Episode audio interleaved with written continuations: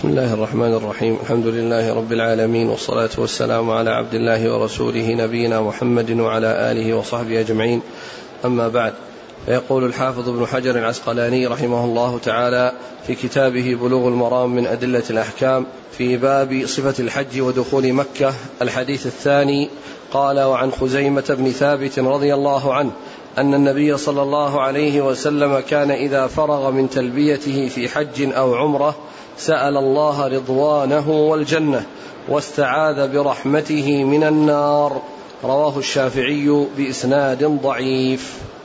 بسم الله الرحمن الرحيم الحمد لله رب العالمين وصلى الله وسلم وبارك على عبده ورسوله نبينا محمد وعلى آله وأصحابه أجمعين. أما بعد فهذا الحديث عن خزيمة بن ثابت رضي الله تعالى عنه يتعلق بدعاء بعد التلبية. يتعلق بدعاء بعد التلبية وهو أن يسأل الله رضاه والجنة وأن يعوذ به من سخطه والنار. والتلبية آه هي تلبية الرسول عليه الصلاة والسلام التي مرت في حديث جابر وهي لبيك اللهم لبيك لبيك لا شريك لك لبيك إن الحمد والنعمة لك والملك لا شريك لك. هذه هي تلبية رسول الله صلى الله عليه وسلم. وقوله لما فرغ يحتمل أن يكون الفراغ من كل تلبية أنه كلما لبى يقول بعد ذلك هذا الدعاء. ويحتمل أن يكون ذلك في النهاية.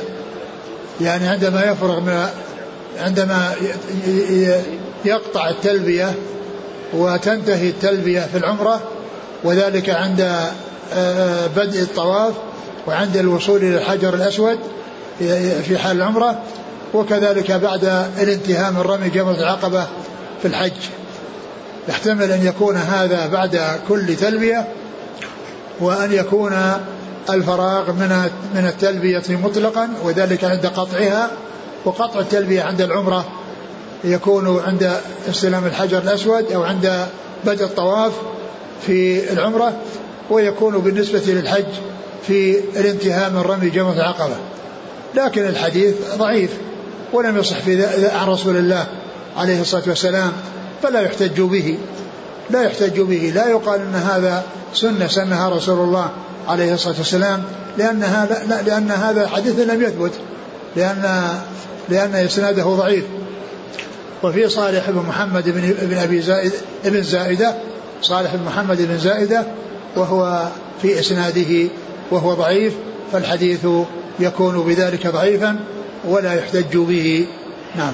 لكن جاء شيء قبل التلبية. وهو؟ التسبيح والتحميد والتكبير. نعم. أقول هذا جاء عند هذا عند الإحرام. يعني عند البدء بالإحرام. التسبيح والتحميد والتكبير وأن يقول سبحان الله والحمد لله والله أكبر ثم يلبي هذا جاء. هذا جاء في صحيح البخاري وهذا عند البدء بالإحرام وقبل أن يلبي بالعمرة إذا كان متمتعا أو بالحج إذا كان مفردا أو بالقران إذا كان آه إذا كان معتمرا آه معتمرا وحاجا يعني جامعا بين الحج والعمرة. هذا ثابت.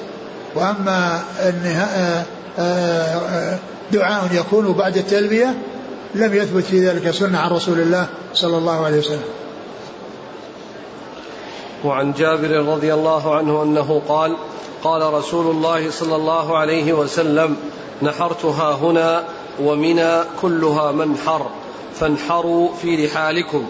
ووقفتها هنا وعرفة كلها موقف. ووقفتها هنا وجمع كلها موقف رواه مسلم. الحديث الرسول صلى الله عليه وسلم في هذه الأحوال الثلاث فيما يتعلق بالنحر نحر في مكان معين من منى.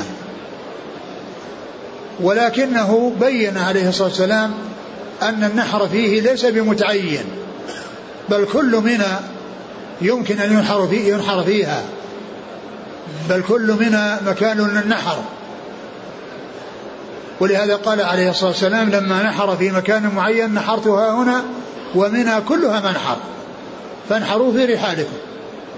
يعني حتى لا يظن أن هذا المكان الذي نحر فيه الرسول عليه الصلاة والسلام أن السنة هي النحر فيه ولا تكون في غيره بل تكون في منى كلها وتكون أيضا في مكة كلها وتكون في الحرم. أما في الحل فإنه لا يحل نحر الهدي فيه.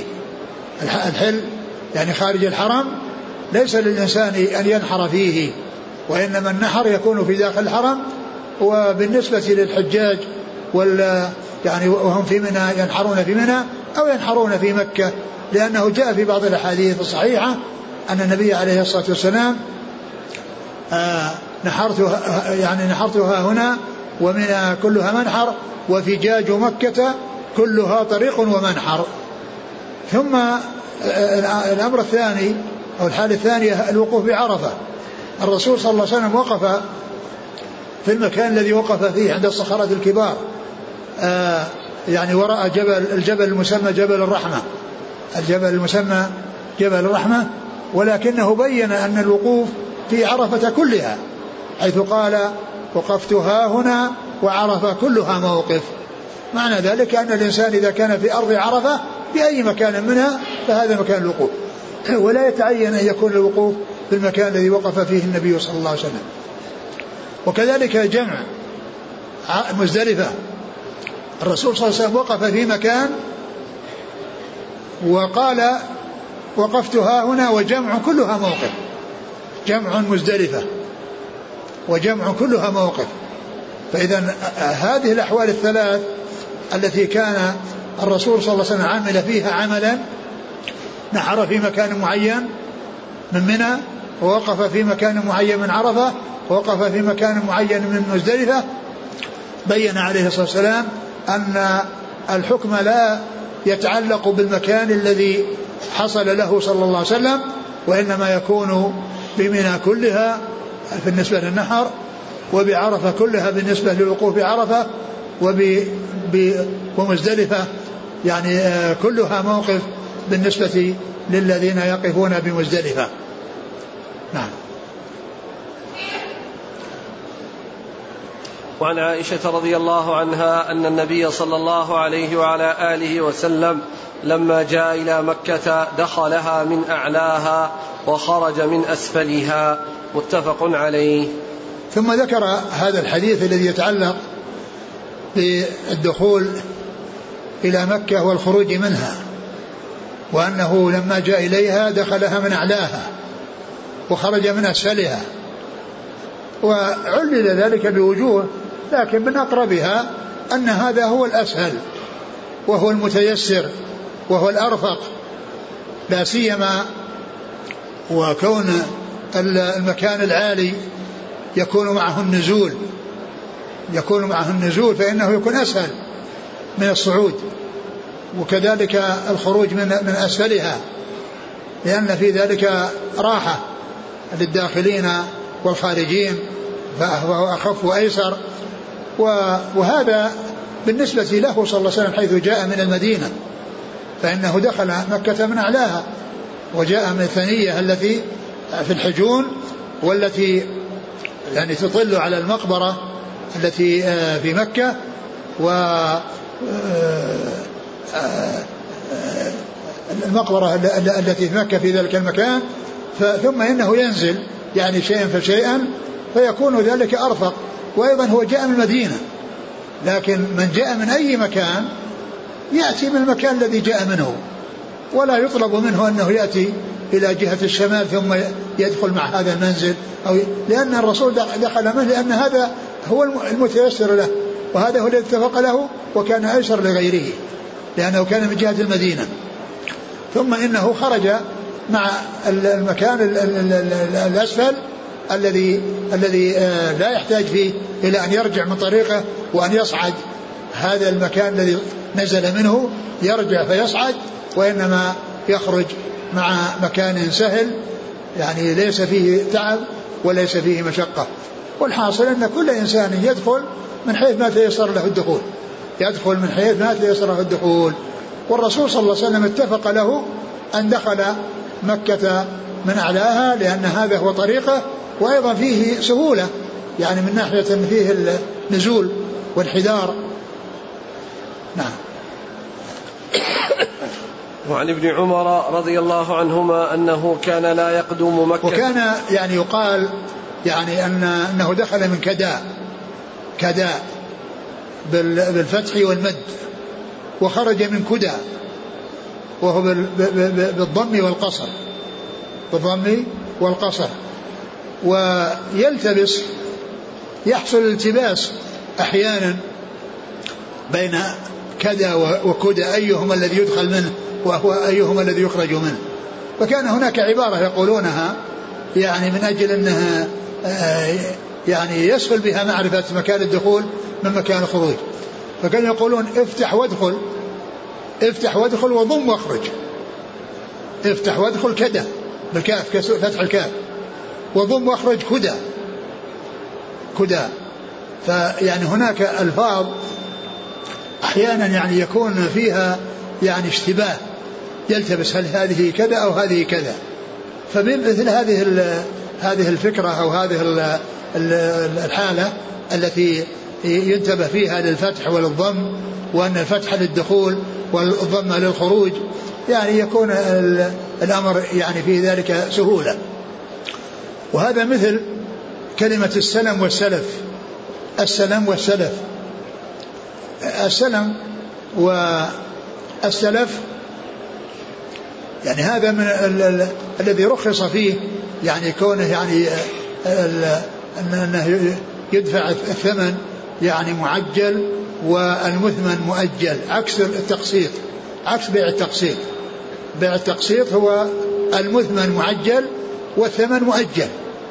وهذا الثمن معجل والمثمن مؤجل. ففيه يقال له سلم ويقال له سلف. ولغة أهل الحجاز السلم السلف ولغة أهل العراق السلم فقد يلتبس أيهما يعني السلام أي أيهما لأهل العراق وأيهما يعني يلتبس. قد قد الإنسان يقلب وقد يعكس القضية.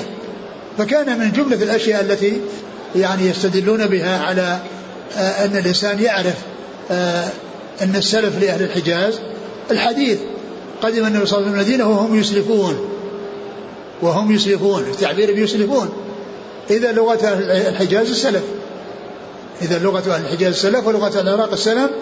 وبهذا يعرف تحديد لغة أهل الحجاز وأن أنهم يطلقون فيقولون السلف وأهل العراق يقولون السلم.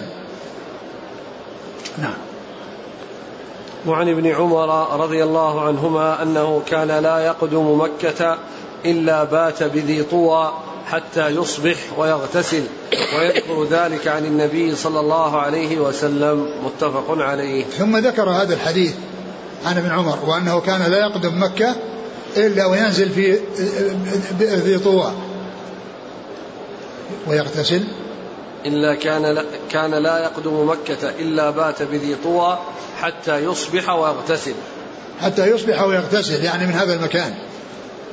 الرسول عليه الصلاة والسلام قدم يعني مكة وبات في ذي طوى واغتسل ودخل مكة ضحى. ففي هذا يعني استدل به الفقهاء أو العلماء على أنه يعني آآ آآ إذا وصل الإنسان فإنه ينزل بذي طوى وأنه يغتسل فيها ويصل يصبح. لكن كما هو معلوم الرسول عليه السلام كان مثل صار في الطريق عشر ليالي. عشر ليالي وهو في الطريق من المدينة إلى مكة. طبعا بحاجة إلى اغتسال. الناس في ذاك الوقت بحاجة إلى اغتسال لأنه أصابهم الشعث بكثرة المسافة كثرة السير. أما في هذا الزمان إن اغتسل الإنسان لا بأس وإن لم يغتسل فإنه لا حرج. وأيضا الاغتسال هو سنة ليس بواجب. لكن آه، هناك الحاجة داعية إليه وهنا لا تدعو الحاجة إليه. لأن الإنسان يغتسل وليس بين اغتساله وبين وصوله مكة إلا أربع ساعات أو ثلاث ساعات. وقد يكون أقل من ذلك إذا كان في الطائرة. ف يعني إذا اغتسل الإنسان لا بأس وإن لم يغتسل فإنه لا حرج عليه. لا سيما وهذا الزمان يختلف عن ذاك الزمان. ذاك الزمان هم بحاجة إلى الاغتسال لأنهم يمكثون مددا طويلة وهم في الطريق. وأما هنا ليس هناك إلا فترة وجيزة ويسيرة. وذي طوى هي في شمال شمال مكة قريبة من الميقات قريبة من من التنعيم. ويقال أنه يطلق عليها في هذا الزمان الزاهر. نعم.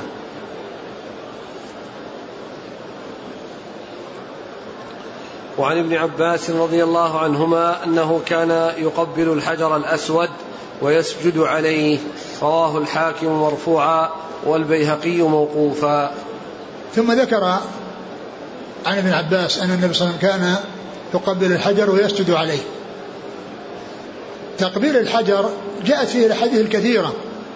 تقبيله واستلامه والإشارة إليه جاءت فيه الأحاديث الكثيرة جدا. و آه، وأما السجود عليه فقد جاء في بعض الأحاديث منها ما هو موقوف ومنها ما هو مرفوع. ويعني ومن العلماء من صحح المرفوع. من صحح المرفوع وكذلك الموقوف. وأنه يسوق للإنسان أن يفعل ذلك. ومنهم من قال إن أن فيها شيء من الضعف وأن الذي آه، كثرت فيه الأحاديث واتضحت فيه الأدلة هو ال هو ال ال آه، التقبيل والتقبيل بالفم والاستلام باليد والإشارة إليه عند المحاذاة.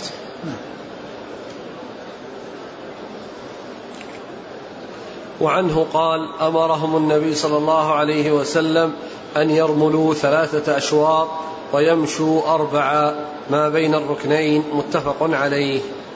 ثم ذكر هذا الحديث فيما يتعلق بالرمل والمشي. آه الحديث في فيما يتعلق بعمرة القضاء أمرهم أن يرملوا في ثلاثة أشواط من جهات ثلاث وأن يمشوا ما بين الركنين في الأشواط الثلاثة الأول التي فيها الرمل. وأما الأربعة الأخيرة فليس فيها إلا المشي ما فيها رمل. ولو أن الإنسان نسي الرمل في الأشواط الثلاثة الأول وتذكر في الأخيرة لا يرمل لأن الرمل سنة في الثلاثة الأول. فإذا نسي أو لم يفعل سنة فات محلها. لا تقضى في وقت لم يشرع أن تقضى فيه. لأن الرسول عليه الصلاة والسلام شرع أو بين أن الثلاثة الأشواط يرمل بها والأربعة الأخيرة يمشى بها مشيا والرمل هو الإسراع مع مقاربة الخطى الإسراع مع مقاربة الخطى فإذا عمرة القضاء التي هي في السنة السابعة الرسول عليه الصلاة والسلام رملوا وأصحابه هو وأصحابه في الأشواط الثلاثة الأول وفي ثلاث جهات فقط ما عدا الجهة التي بين الركن اليماني والحجر الأسود. والسبب في ذلك أن الرمل أصله وكذلك ترك الرمل بين الركنين أن كفار قريش كانوا جالسين إلى جهة من وراء الحجر. من جهة الحجر. وكانوا يتحدثون فيما بينهم ويقولون إنه يقدم عليكم قوم وهنتهم حمى يثرب. يعني معناه فيهم هزال. ما يستطيعون يتحركون بسبب الحمى.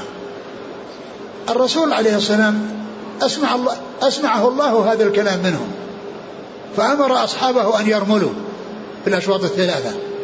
الأول وأن يمشوا ما بين الركنين لأنهم إذا كانوا بين الركنين يكون الكفار ما يرونهم لأن الكعبة تستر تحجبهم تحجبهم فهم أمرهم بأن يسرعوا في الأشواط الثلاثة الأول في الجهات الثلاث التي يراهم فيها الكفار. وأما الجهة التي تكون الكعبة ساترة بينهم الكفار يمشون لأن أجل يحصل لهم شيء من الراحة. في هذه المسافة. يحصل لهم شيء من الارتياح وفي هذه المسافة التي هي بين الركنين. والمقصود من ذلك إظهار الجلد والقوة للكفار. وهذا مما يدخل تحت الحديث الصحيح الذي قال فيه النبي صلى الله عليه وسلم الحرب خدعة. يعني هذا من الخدعة. لأنهم يعني وصفوهم بأنهم ضعاف وأنهم يزال فالرسول أمرهم بأن يظهروا. شيء من التجلد وأن يسرعوا. فلما رأوهم يعني وكانوا يقولون يعني هذا الكلام يعني تبين لهم أن كلامهم أنه غير صحيح وأن فيهم نشاط وأن فيهم قوة. ولكنه صلى الله عليه وسلم لرفقه بهم وشفقته عليهم أرشدهم بأن يمشوا إذا كان الكفار لا يرونهم. إذا كان الكفار لا يرونهم لأن الكعبة تحجبهم تحجبهم عنهم. وأما فهذا أصل أصل الرمل. أصل الرمل هو أن النبي صلى الله عليه وسلم أرشدهم إلى أن يرملوا حتى يراهم الكفار فيهم نشاط وفي حجة الوداع رمل صلى الله عليه وسلم بثلاث الأشواط وأصحابه من الحجر إلى الحجر. من الحجر إلى الحجر يعني معناه كامل الأشواط. وأن يكون فيها هذه المسافة التي بين الركنين. يعني كلها يرمل فيها. وقد جاء في الحديث أن الرسول عليه السلام لم يمنعه من أن يأمرهم بأن يرملوا في مرمى القضاء إلا الإبقاء عليهم يعني الرفق بهم. يعني أمره أن يرفع حمله على ذلك يعني كونه يرشدهم إلى أن يمشوا الرفق بهم. أما في حجة الوداع فقد رمل من الحجر إلى الحجر فكانت سنة ثابتة مستقرة تفعل في جميع الأوقات وفي جميع الأزمان وذلك في طواف العمرة في حق المعتمرين وفي طواف القدوم في حج في في حق الحجاج القارنين والمفردين القارنين والمفردين. والعبارة التي يعني هنا التي ذكرها فيها شيء من الخفاء. يعني قوله يعني وأن يمشوا ما, ما بين الركنين الحديث. وأن يمشوا أربعا ما بين الركنين. وأن يمشوا أربعا يعني لا ليس هذا يعني خاص بين الركنين. المشي أربعا في, في وراء الكعبة كلها. ولكن في عمرة في عمرة القضاء أمرهم بأن يرملوا ثلاثة أشواط وأن يكون بين الركنين مشي وليس رمل. إذا الرمل ليس في الأشواط الكاملة وإنما في ثلاثة أرباع كل شوط في الجهات الثلاث من الكعبة. والشوط الذي يعني يكون بين والمسافة التي تكون بين الحجر بين الركنين هذه يمشى فيها. أعد الحديث. قال أمرهم النبي صلى الله عليه وسلم أن يرملوا ثلاثة أشواط. أمرهم أن يرملوا ثلاثة أشواط. هذا حصل في عمرة القضاء وفي عمرة وفي, وفي حجة الوداع. أمرهم أن يرملوا ثلاثة أشواط. ويمشوا أربعة. ويمشوا أربعا في فيها في عمرة القضاء وفي حجة الوداع. ما بين الركنين؟ هذا لا يرجع للمشي. بل هم يمشون في جميع الأشواط كلها. ولكن المشي يكون بين الركنين في عمرة القضاء فقط حيث كان أرادوا بهذا المشي يعني إظهار القوة للكفار وأنهم على عكس ما وصفوهم به وأن الرسول عليه السلام أمرهم بأن يمشوا في الثلاثة الأشواط يعني بين الركنين. نعم. وعنه قال لم أرى رسول الله صلى الله عليه وسلم يستلم من البيت غير الركنين اليمانيين. رواه مسلم. ثم ذكر هذا الحديث أيضا أنه لم يرى النبي صلى الله عليه وسلم يستلم من الأركان إلا الركنين اليمانيين. الكعبة لها أربعة أركان ركنان من جهة الجنوب وركنان من جهة الشمال. ويقال يعني من جهة الجنوب اليمانيان. تغليب لأن فيه الركن اليماني وبعده والإنسان يطوف الحجر الأسود الذي هو إلى جهة مطلع الشمس وإلى جهة وإلى جهة الصفا. فكان فكان لا يستلم إلا هذين الركنين ولا يستلم الركنين الباقيات اللي هي الشاميين. والسبب في هذا أولا أن أن الكعبة في وضعها التي هي عليه في زمنه صلى الله عليه وسلم وبعد زمنه كانت على هذا الوضع الموجود لأن هذا الوضع هو الذي بناها عليه كفار قريش. والركنان اليمانيان على قواعد إبراهيم لأن هذا آخر الكعبة وهذا نهاية الكعبة في زمن إبراهيم.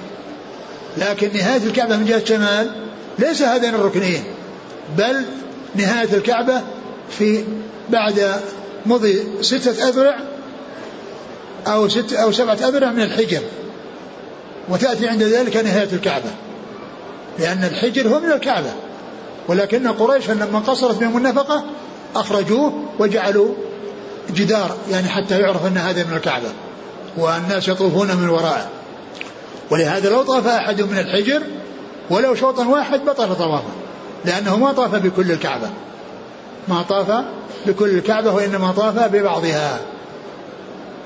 فالطواف لا يصح في جميع الأشواط إلا من وراء الحجر. ف فهذان الركنان الموجودان الآن يعتبران ليس طرف الكعبة من جهة الشمال وإنما هذا في أثنائها. وأما طرفها بعد ستة أذرع أو سبعة أذرع اللي على قواعد إبراهيم. فإذا هذان الركنان اللذان كان يستلمهما صلى الله عليه وسلم ولم يرى يستلم إلا هذين الركنين هما على قواعد إبراهيم. هما على قواعد إبراهيم. والركنان اليمانيان الشاميان ليس على قواعد إبراهيم. ولو بنيت الكعبة وبنيت على قواعد إبراهيم لا يقال إنها تستلم من جهة الركنين الشاميين لأنه ما ثبت عن النبي صلى الله عليه وسلم. ما ثبت عن النبي صلى الله عليه وسلم في ذلك شيء وإنما ثبت في هذين الركنين اليمنيين. ولهذا لما كان آه، أحد الصحابة يطوف مع عمر بن الخطاب فلما تجاوز الحجر تجاوزوا الركن وجاءوا إلى الركن الذي بعد الحجر الأسود. قال أخذت بيد عمر ليستلمه. قال فنظر إلي وقال أحججت مع رسول الله صلى الله عليه وسلم؟ قال نعم. قال هل رأيته يستلمه؟ قلت لا. قال تمضي وقد كان لكم في رسول الله صلى الله عليه وسلم أسوة حسنة. وقد كان لكم في رسول الله أسوة حسنة. إذا الناس يستلمون الركنين اليمانيين لأن النبي صلى الله عليه وسلم استلمهما ولا يستلمون غيرهما لأن النبي صلى الله عليه وسلم ما استلمهما. وكذلك الجدران التي بين الأركان. لا تستلم ولا تمسح. لا تستلم ولا تمسح. فلا يستلم من الكعبة إلا هذين الموضعين هذان الموضعان اللذان هما الحجر الأسود والركن اليماني. والحجر الأسود يقبل ويستلم باليد وتقبل اليد إذا استلمته وإذا لم يصل إليه أشار إليه. كبر وأشار إليه. وأما بالنسبة للركن اليماني فمن وصل إليه مسحه بيده استلمه بيده وإن ولا يقبله يستلم ولا يقبل لأن الرسول استلم ولم يقبل. وإن لم يصل إليه لا يشير إليه. لا يشير إليه. قال لم أرى؟ لم أرى رسول الله صلى الله عليه وسلم يستلم من البيت غير الركنين اليمانيين.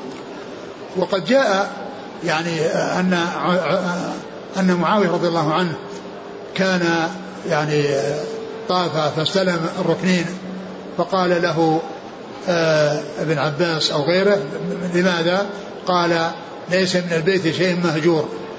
فقال لقد كان لكم في رسول الله أسوة حسنة. فقال صدقت. فقال صدقت.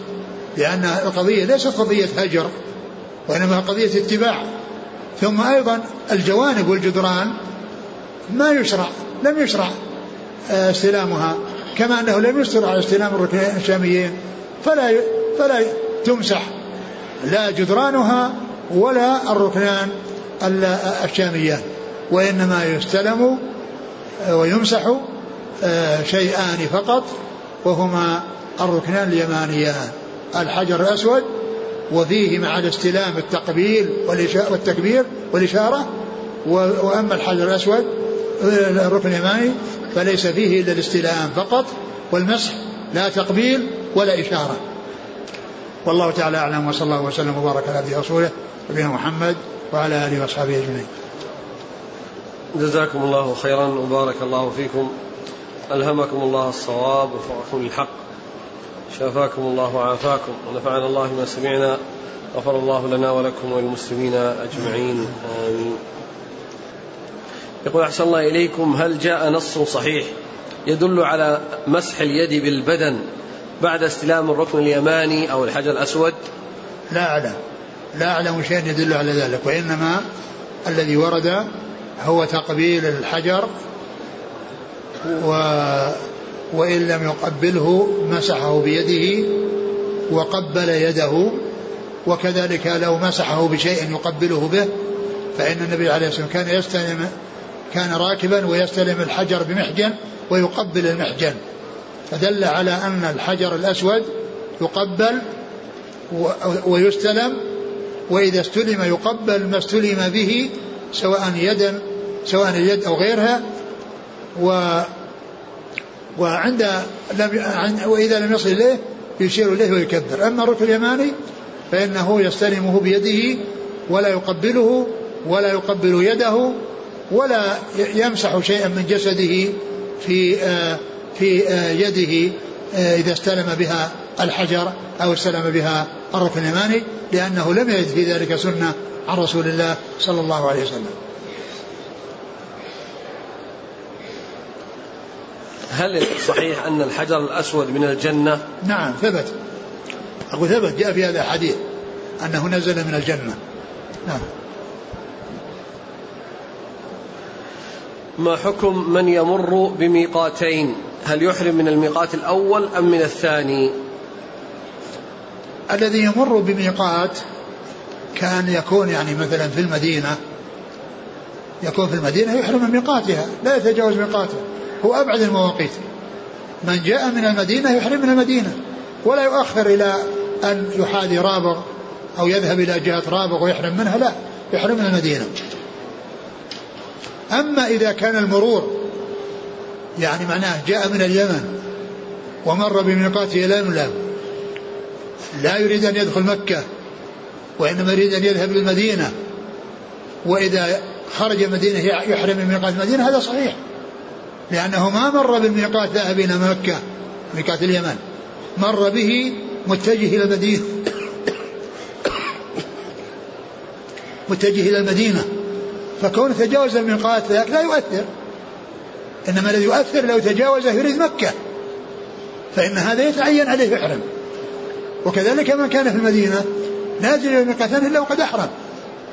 أما تجاوز ميقات ليس يريد دخول مكة وإنما يريد مجاوزة الميقات للذهاب إلى جهة أخرى مقابلة. أو إنسان يذهب من المدينة يريد أن يذهب إلى الجنوب يذهب إلى الطائف. ثم يأتي من الطائف له أن يذهب للطائف ويحرم من الطائف. لأنه ما ما ما تجاوز الميقات يريد الدخول مكة للعمرة وإنما للتجاوز. مثل لو تجاوزه رايح لأبها أو رايح لجيزان وأنه سيأتي بعد ذلك من جيزان للحج. آه هذا لا بأس له. هل من المشروع أو من السنة الدعاء عند الملتزم؟ ورد فيه. ورد فيه التزامه نعم. يقول هل يقرأ المأمومون الفاتحة مع الإمام في الصلاة الجهرية؟ نعم يقرؤونها وهو يقرأ السورة. لا يقرؤونها وهو يقرأ الفاتحة يسمعون الفاتحة ويؤمنون في آخرها. لأنهم يسمعون ولكنهم يقرؤون ولكنهم يقرؤون الفاتحة مع قراءته للسورة هل تجوز العمرة عن شخص مستطيع بدنيا لكنه لا يستطيع ماليا؟ لا لا يجوز. ما دام أنه لأن العمرة والحج تجوز النيابة فيهما بحالتين اثنتين. في حالتين اثنتين في حق الحي. أن يكون هرما كبيرا لا يستطيع الركوب والسفر. أو يكون مريضا مرضا لا يرجى برؤه. هذان يناب عنهما. أما ما كان قويا وكان صحيحا ويقدر أن يأتي ولكن ما عنده مال ينتظر حتى يغنيه الله عز وجل ولا ولا يحج عنه ولا يعتمر. والميت يناب عنه.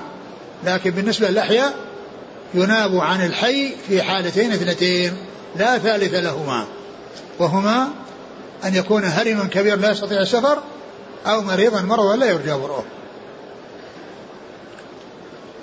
يقول أنا من فرنسا وعندما جئت إلى الحج قالوا لي قال لي بعض الإخوة بلغ السلام إلى رسول الله صلى الله عليه وسلم وأنا الآن لم أفعل فماذا أفعل بعد ذلك. كان ينبغي لكل من قيل له ذلك يعني إذا قيل له سل أبلغ سلامي للرسول صلى الله عليه وسلم أن تقول له أكثر من الصلاة والسلام عليه صلى الله عليه وسلم والملائكة تبلغه والملائكة تبلغه.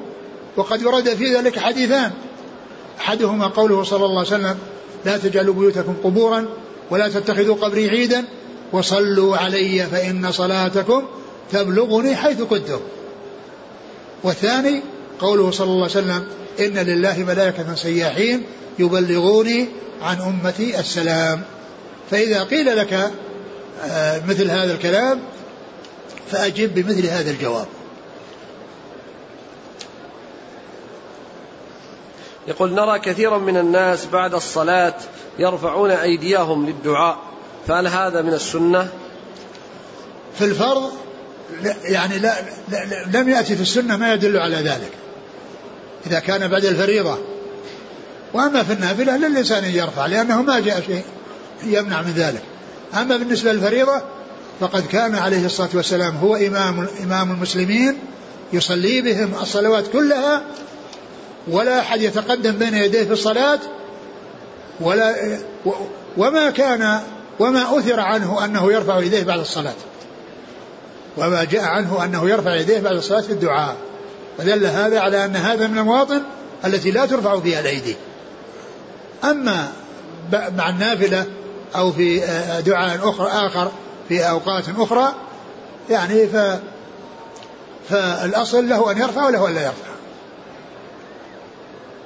لأن الرفع لأن رفع اليدين له ثلاث حالات. حالات ثلاث. أمور ورد فيها رفع اليدين. ترفع اليدين. مثل رفع اليدين بعرفة. وأمور ورد فيها عدم رفع اليدين. كبعد الصلاة المفروضة. وفي الخطبة خطبة الجمعة. إلا إذا حصل استسقاء فيها فترفع الأيدي. أما أن ترفع الأيدي بالدعاء في الخطبة فإنها لا ترفع لا من الإمام ولا من المأمومين. في خطبة الجمعة لا ترفع الأيدي فيها. لأنه لم يأتي سنة في ذلك عن رسول الله صلى الله عليه وسلم إلا إذا استسقى في خطبة الجمعة فإنه يرفع يديه لأنه جاءت سنة في ذلك عن رسول الله صلى الله عليه وسلم. الذي لم يأتي فيه عدم الرفع الرفع وعدم الرفع الأمر في ذلك واسع له أن يرفع وله أن لا يرفع.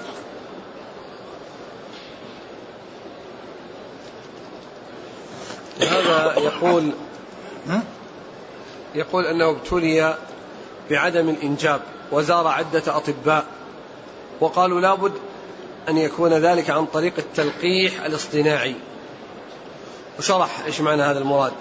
قال يوجد في أوروبا ما يسمى أمهات حاضنات يتبرعن ببويضات وتحمل ويلدن مقابل مبلغ مالي.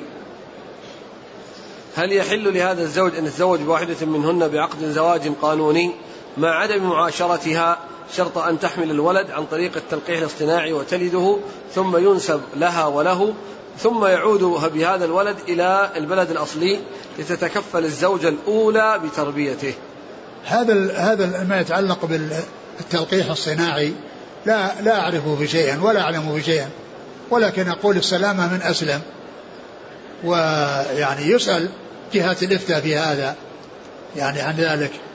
أما أنا فيعني ما يظهر لي يعني شيء يعني يسوغه والسلامة منه لا شك أنه أسلم ويمكن أن مثل هذا يرجع فيه إلى الإفتاء وجهة الإفتاء في الرياض أو في غيرها.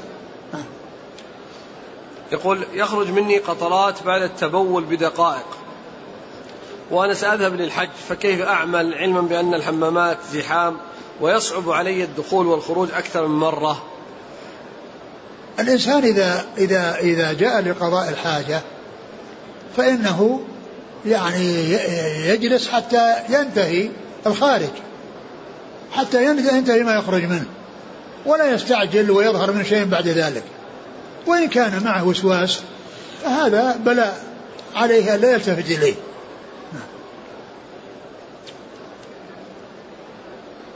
يقول ما هي الكيفية التي تؤدى بها الصلوات في منى أيام يوم التروية ويوم التشريق؟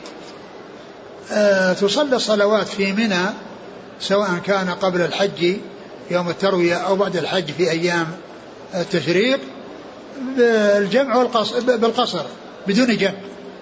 لأن الرسول عليه الصلاة والسلام كان يصلي كل صلاة في وقتها قصرا بدون جمع. هذه هي السنة. في منى في في منى قبل الحج وبعده أنه يقصر ولا يجمع لأن النبي صلى الله عليه وسلم كان يقصر ولا يجمع. هل يشرع رفع اليدين عند الدعاء على جبل الصفا والمروة؟ ما أعلم شيء يدل عليه. وهل يشرع أن أقول عند التلبية؟ بالتمتع. لبيك اللهم عمرة متمتعا بها إلى الحج. الذي ينبغي أن يقول لبيك عمرة بس تكفي بدون متمتعا بها إلى الحج. يقول لبيك عمرة هذا يكفي. المعتمر يقول لبيك عمرة وهو متمتع. ما دام أنه جاي داخل مكة سيطوف ويسعى ويقصر ويجلس في مكة إلى الحج هذا هو التمتع. ما في حاجة إلى كلمة متمتع بها إلى الحج. يقول رجل دخل مكة حينما مر بالميقات تلفظ بالنية ولم يلبس لباس الإحرام. فهل عليه تجديد النية من التنعيم قبل البدء بالطواف؟ أم يلبس الإحرام ثم يبدأ بالطواف؟ أولا الإنسان لا ينبغي له أن يتجاوز الميقات إلا وقد رخص له بالحج. ولا يتحايل ويشغل الناس ويعني يكثر ويضيق على الناس. ما ينبغي للناس أن يفعلوا هذا لأن هذا التنظيف فيه مصلحة للجميع. وأيضا فيه يعني دفع هذا الذي يحصل من الافتراش الذي يذهب الناس هكذا يفترشون الأرض ويضيقون الطرقات على الناس وليس لهم مساكن يسكنون بها. فالإنسان يعني يتقي الله ما استطاع ويجلس في بلده ولا يأتي ويضايق الناس. لا يأتي ويضايق الناس. هذا هو الذي ينبغي الإنسان أن يفعله. نعم. يقول بارك الله فيكم. هل للمرأة أن تزور قبر رسول الله صلى الله عليه وسلم؟ النساء لا يزورن القبور. زيارة القبور من خصائص الرجال وليست للنساء. وهل لها أن تصلي في الروضة؟ نعم لها أن تصلي في الروضة. يقول أخبرنا المطوف أننا سنغادر مزدلفة قبل طلوع الفجر فما الحكم علما أن مع البعض منا نساء عجزة؟ قبل طلوع الفجر؟ نعم. لا للعجزة وللضعفاء أن ينفروا قبل أن ينفروا من مزدلفة يعني في آخر الليل أو بعد نصف الليل. أقول لهم ذلك. ومن كان مرافقا لهم يعني حكمه حكمهم. ما صحة حديث الذي فيه أن عند رؤية البيت ترفع الأيدي مع قول اللهم أنت السلام ومنك السلام فحينا ربنا بالسلام. هذا ما أعلم في حديث ولكنه جاء عن عن عن ابن عمر وابن عباس. ما أدري عن عمر عن عمر وابن عمر جاء عن صحابي. أقول جاء عن صحابي ولكنه يعني آه، لم يأتي فيه حديث مرفوع.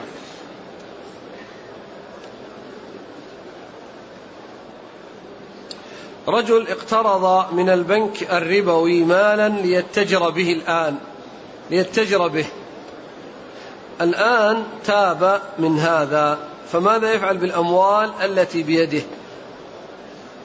إذا كان يعني ما كان يعرف الحكم فيعني عفى الله عما سلف عفى الله عما سلف.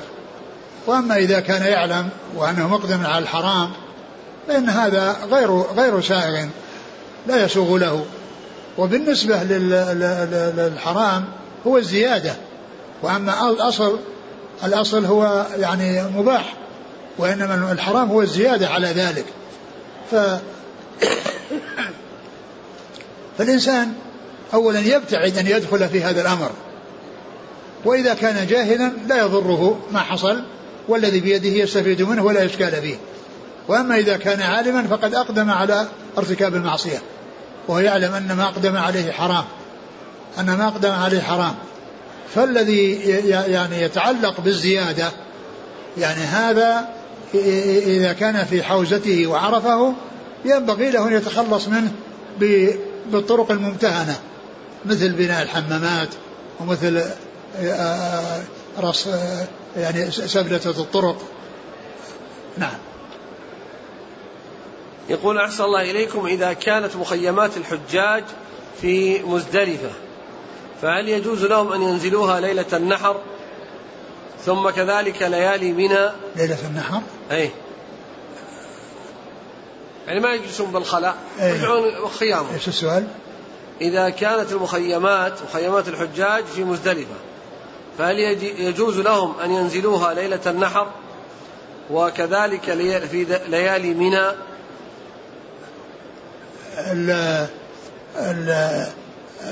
الأصل هو أن الحجاج يكونون في منى. ومن يعني لم يتيسر له أو بحث ولم يحصل فإن له أن ينزل في أقرب الأماكن إلى منى كالمخيمات التي تكون في مزدلفة متصلة بخيام الحجاج. عند الحاجة إلى ذلك لا بأس. أما مع السعة والقدرة على أنه يسكن في منى فإن ذلك لا يجزيه ولا يكفيه.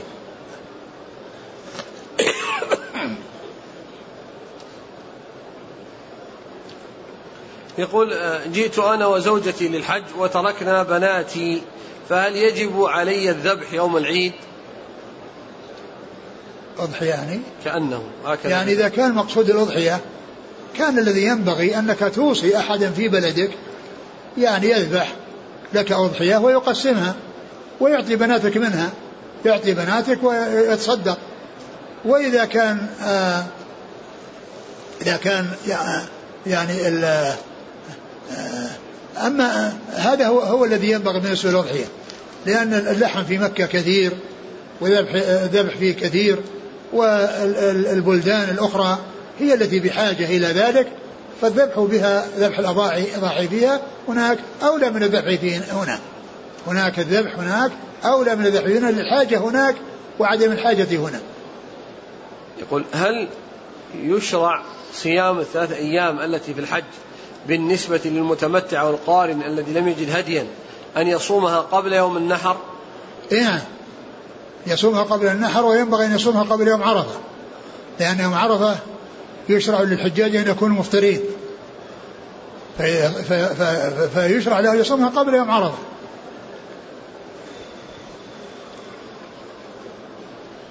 يقول هل تصح الصلاة داخل الحجر في اتجاه الكعبة؟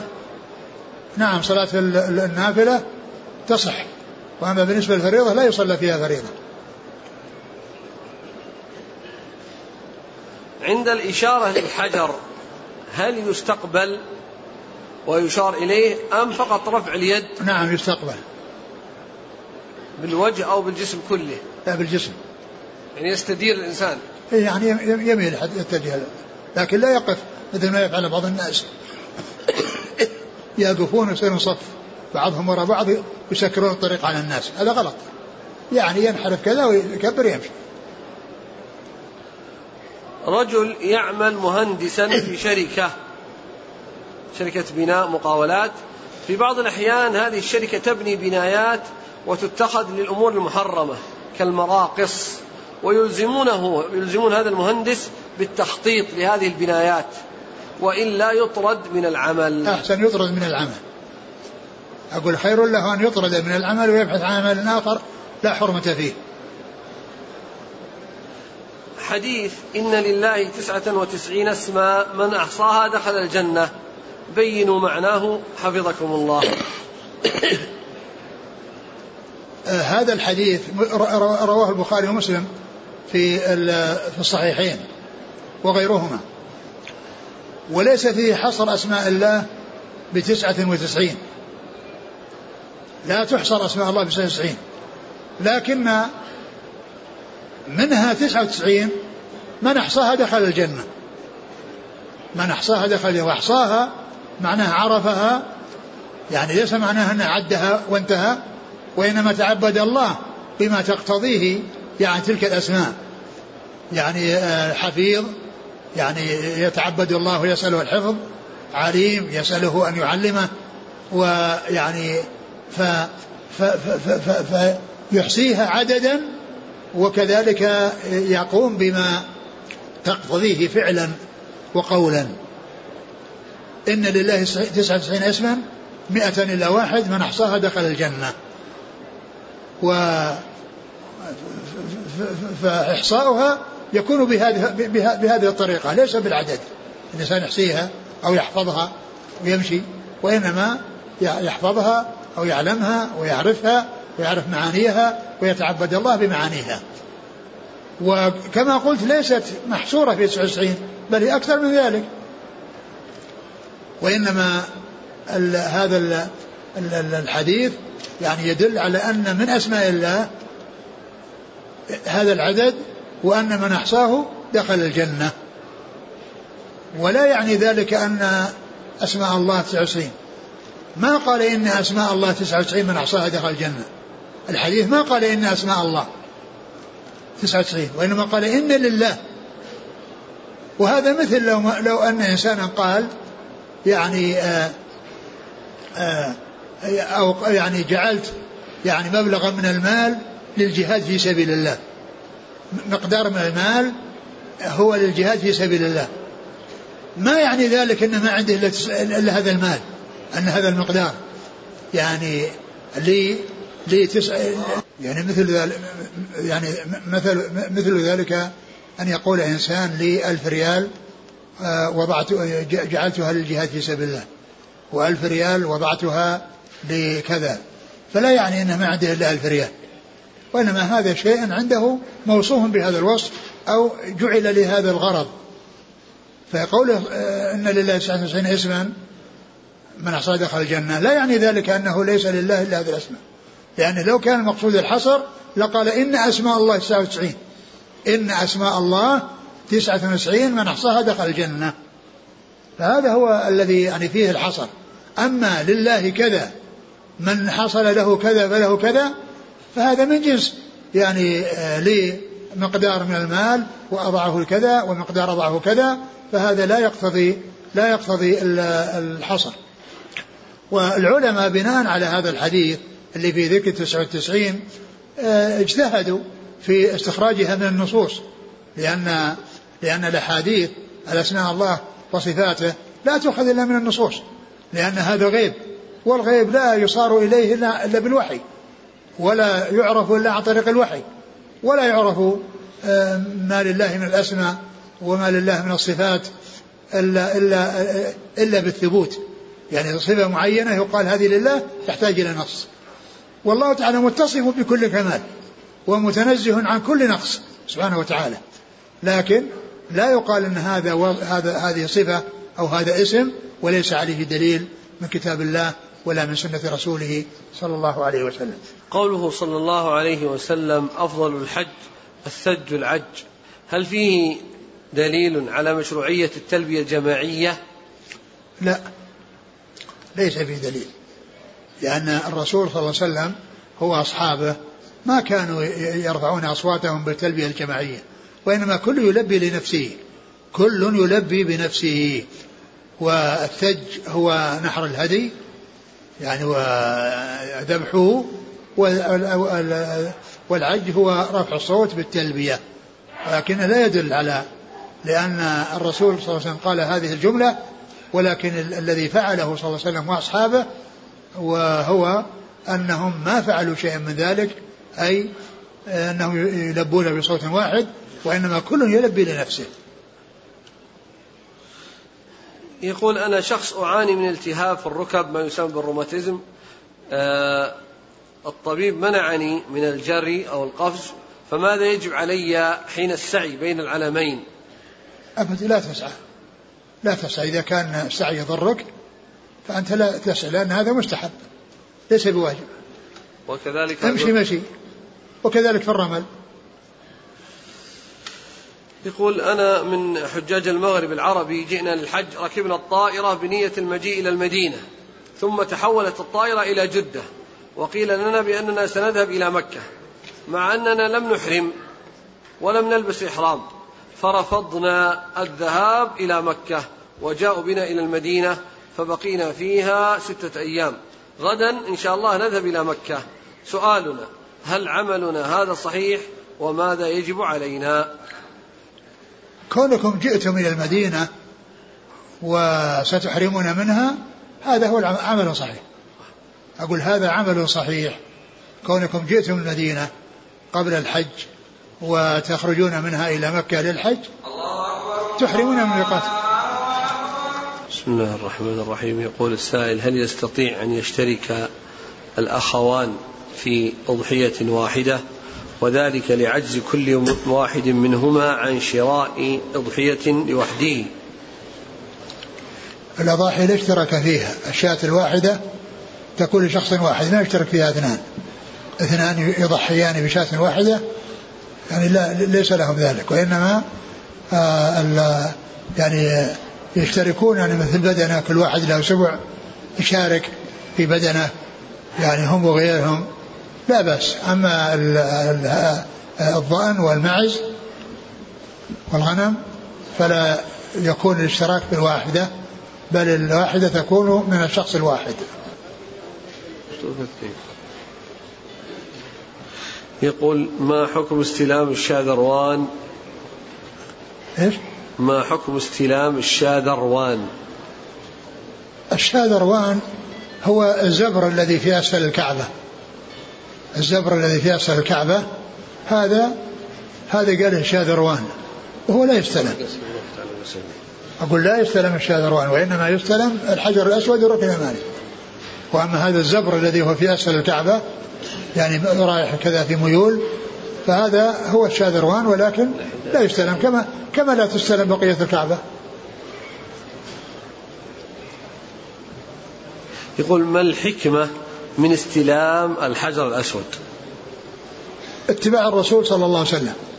كما قال عمر لولا أن آه، آه، إنك حجر لا تضر ولا تنفع.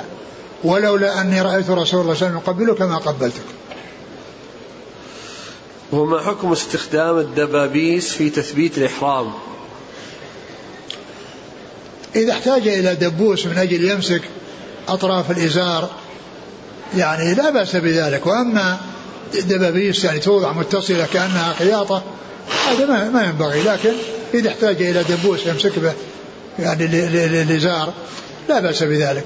لأن لأن الإزار يمكن ربطه أطرافه ويمكن يعني دبوس يجمع بين أطرافه ويمكن أيضا يعني قماش يعني يشده على وسطه فوق الإزار ويمكن هذا الذي يوضع فيه النقود ولو كان فيه خياطة كل ذلك يمكن. ما حكم الرمي قبل الظهر؟ وماذا على من فعل ذلك؟ يوم العيد كله رمي لجمع العقبة. وأما الرمي قبل الزوال ل يعني فإنه لا يصح. ومن رمى قبل الزوال فعليه أن يعيد بعد الزوال. حصل منه في حجة ماضية.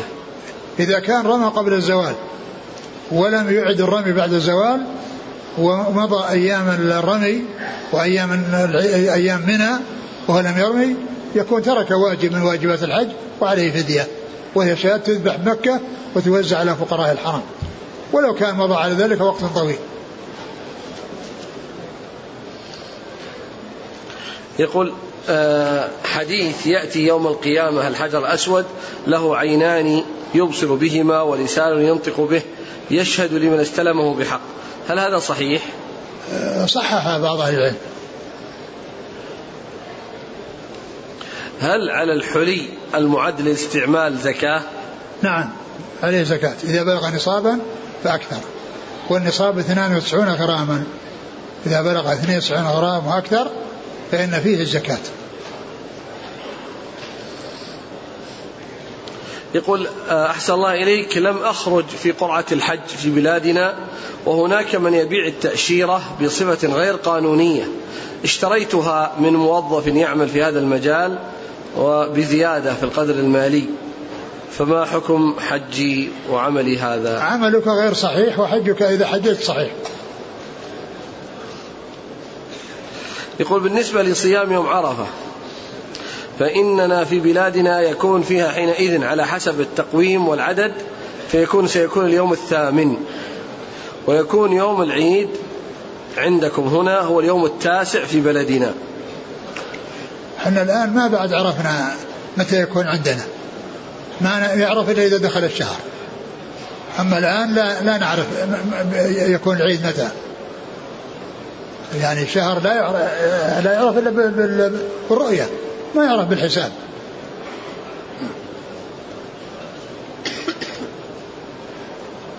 يقول كنت في الطائرة وقد نسيت إحرامي وقبل محاذاة الميقات خلعت ثيابي وبقيت في السراويل فقط ولما وصلت إلى جدة اشتريت إحراما ولبسته فهل علي شيء؟ يعني لبسك السراويل وأنك ليس لم تجد إزار صحيح. لكن كان ينبغي لك أن تتزر بالثوب. يعني الثوب ترتدي به. لأن الإحرام إزار ورداء. فكونه من لم يجد إزار يلبس السراويل نعم جاءت السنة بهذا عن رسول الله صلى الله عليه وسلم. ولكن الثوب لما خلعته كان عليك أن ترتدي به تجعله على كتفك. والآن عملك صحيح ليس على كتفك ما دام انك يعني لما وصلت بدلته لا بأس. عملك ذاك عمل صحيح لأن لبس السراويل لمن لم يجد الإزار ثابت عن رسول الله عليه الصلاة والسلام.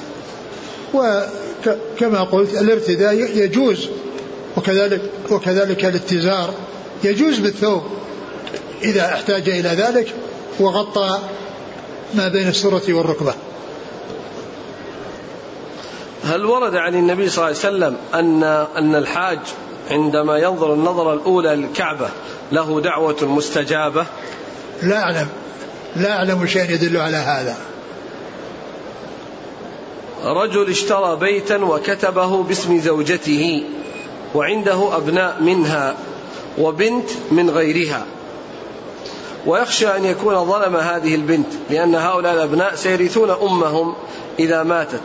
فهل له أن يعطيها قيمة الإرث إرثها من هذا البيت الآن؟ من هذا البيت؟ هنا. رجل اشترى بيتا وكتبه باسم زوجته. وعنده أبناء منها وبنت من غيرها. يخشى أن يكون ظلم هذه البنت. لأن هؤلاء الأبناء سيرثون أمهم إذا ماتت.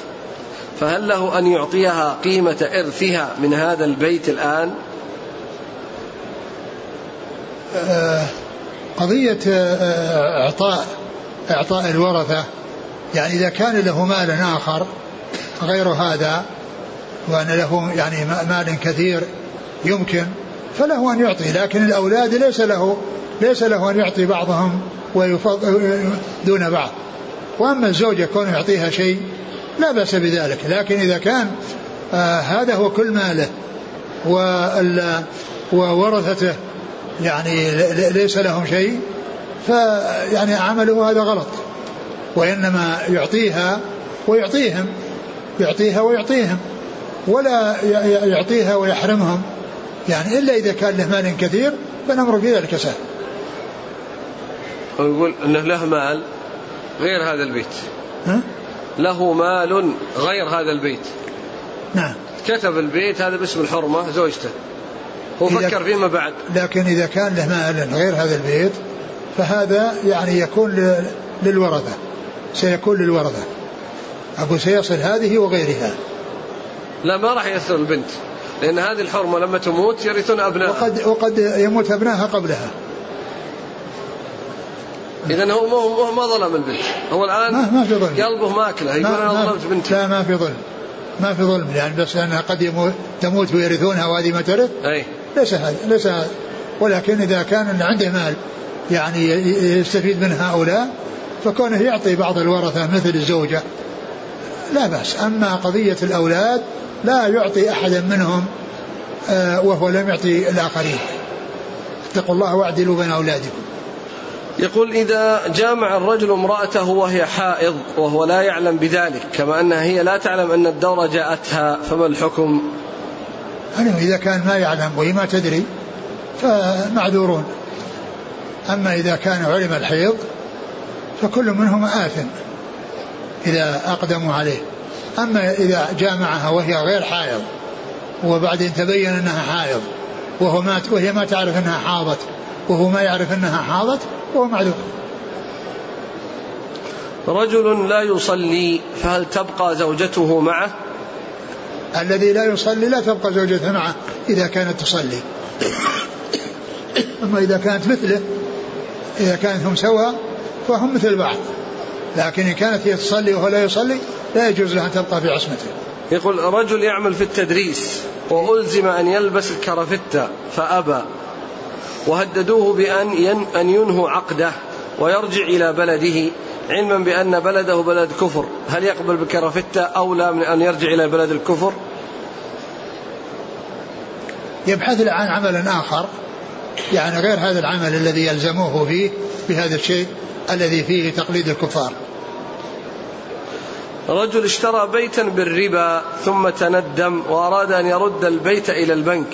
لكن إن فعل ترتب عليه خسائر كثيرة وأقساط فماذا يفعل إذا كان قبل ذلك لا يعلم أنه محرم ودخل فيه فيبقى على على ما هو عليه ما دام أنه يعني إرجاعه سيترتب عليه مضرة يبقيه على ما فيه ويستغفر الله عز وجل.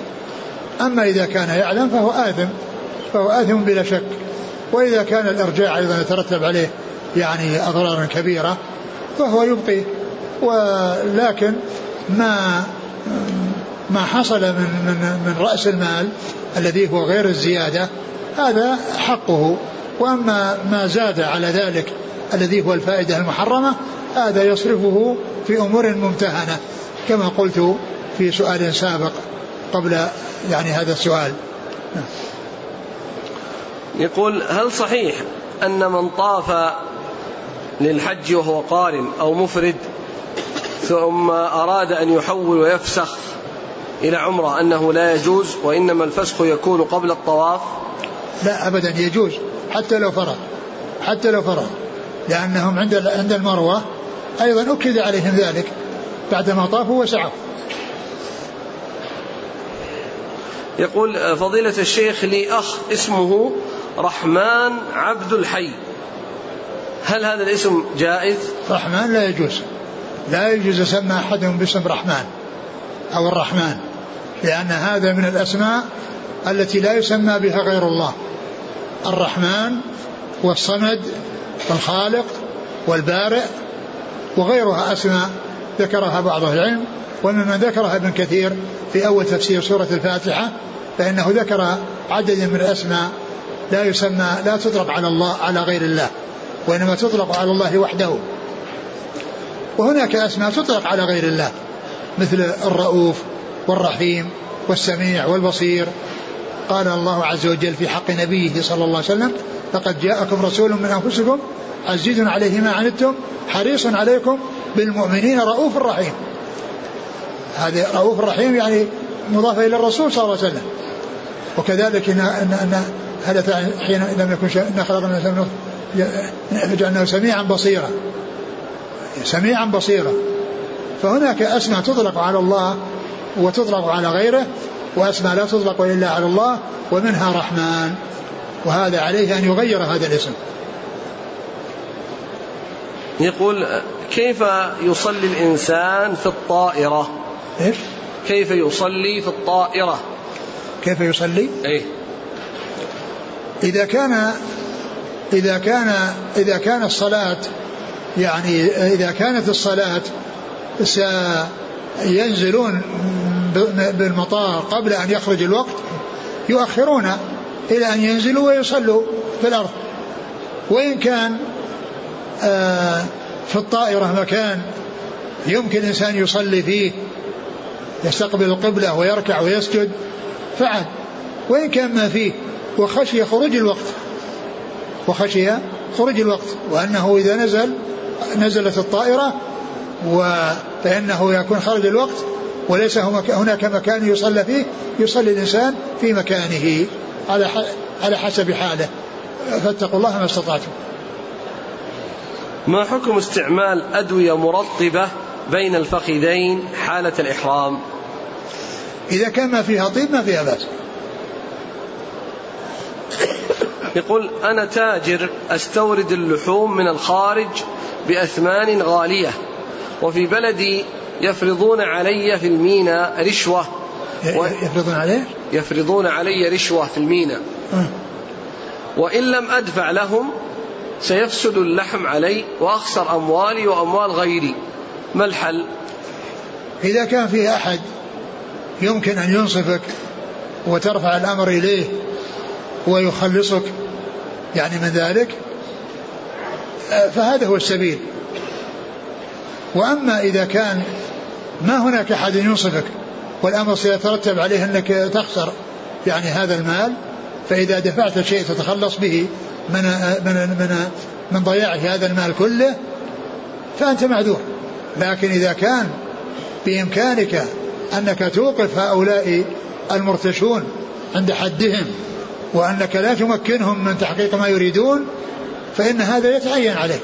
أما إذا كان لا لا, لا, لا يتحقق لك ما تريد وأن هؤلاء هم الذين يتحكمون وأنك لو آه تركت أو ترك هذا يعني يبقى ويفسد يبقى ويفسد فلك أن أنك آه، تحصل على مالك دون أن يضيع عليك كله. لكن إذا كان إذا كان مثلجا وباقي في أماكن مثلجة مثل ما جاء في الطريق أيضا يبقى عند الجمرك وهو يعني يبقى سليما فأنت لا لا تمكنهم بشيء ولا تعطيهم رشوة وأرفع أمرهم إلى المسؤولين الذين آه، يمكن أن يخلصوك من ظلمهم. ما حكم من ترك صلاة الجماعة متعمدا؟ يأثم. أقول يأثم عليه أن يتوب إلى الله عز وجل ويحرص على أدائها. يقول هل يجوز لي أن أصلي النافلة بعد السلام من الصلاة المفروضة وأؤخر الأذكار إلى بعد النافلة إذا كنت متعجلا؟ الأذكار الأذكار يتابعها بعد الصلاة. يتابعها بعد الصلاة.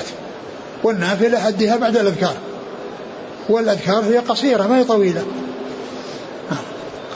ما حكم مناداة الحاج بعد عودته إلى بلده بلفظ الحاج؟ الناس الآن ينادون الحاج اللي ما حج. يقولون حاج وهو ما حج. يعني هذه يعني كون الإنسان يحب هذا ويعني يحج من أجل قال له حاج هذا يعني قصد سيء قصد سيء ولا ينبغي. لكن الناس يعني آآ آآ آآ صاروا يستعملون هذا اللفظ في الحاج وغير الحج. يعني الذي ما حج أصلا يقول له يا حاج وهو ما حج. وهو لفظ لا ينبغي. نعم. هذا يسأل عن استعمال آلة التصوير والفيديو. لا يكون الإنسان مصورا. لا في آلة ولا في غيرها. هل للمرأة أن تلبس الشراب على قدميها وهي محرمة؟ اي نعم الشراب لا بأس به. الممنوع هو القفافيز بس.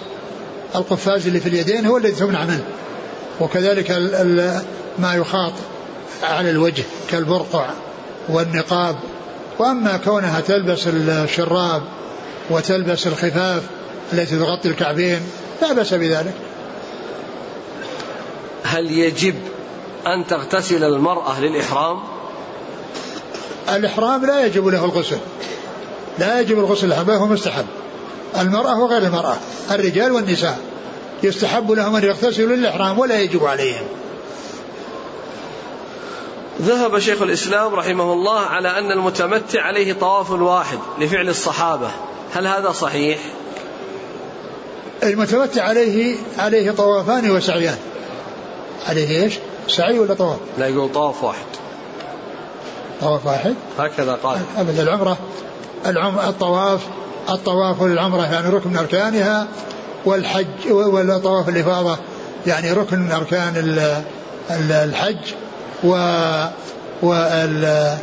والسعي آه، للمتمتع له آه، آه، يعني كل متمتع عليه طوافان وسعيان طواف وسعي لعمرته وطواف وسعي لحجه ما شيخ الإسلام يقول إنه هكذا يقول يقول ذهب الشيخ الإسلام ابن تيمية على أن المتمتع له طواف واحد لفعل الصحابة رضي الله عنهم. لا الصحابة ما فعلوا هذا. الصحابة ما فعلوا هذا حلوا الذين الذين كانوا آه، أحرموا بعمرة طافوا وسعوا وقصروا هذا فعل الصحابة. المتمتعين طافوا وسعوا وقصروا هذا اللي جاء في صحيح مسلم وفي غيره. لكن الحكاية عن شيخ يعني حقيقة السؤال هذا لا أدري عن سلامته واستقامته. لكن المنسوب لشيخ الإسلام ابن تيمية السعي. نعم. السعي. ما أذكر أيضا أيضا ما أذكر. أنه سعي واحد قال شيخ الإسلام ابن تيمية وهو إحدى الروايتين عند الإمام أحمد واختاره الشيخ. كما في الفتاوى المجلد السادس والعشرين 36 و 38 39 وش ها؟ اقرأ. يعني هذا كتاب منحة العلام. في شرح منحة العلام. نعم. شرح بلوغ المرام للشيخ عبد الله الفوزان. أيوه.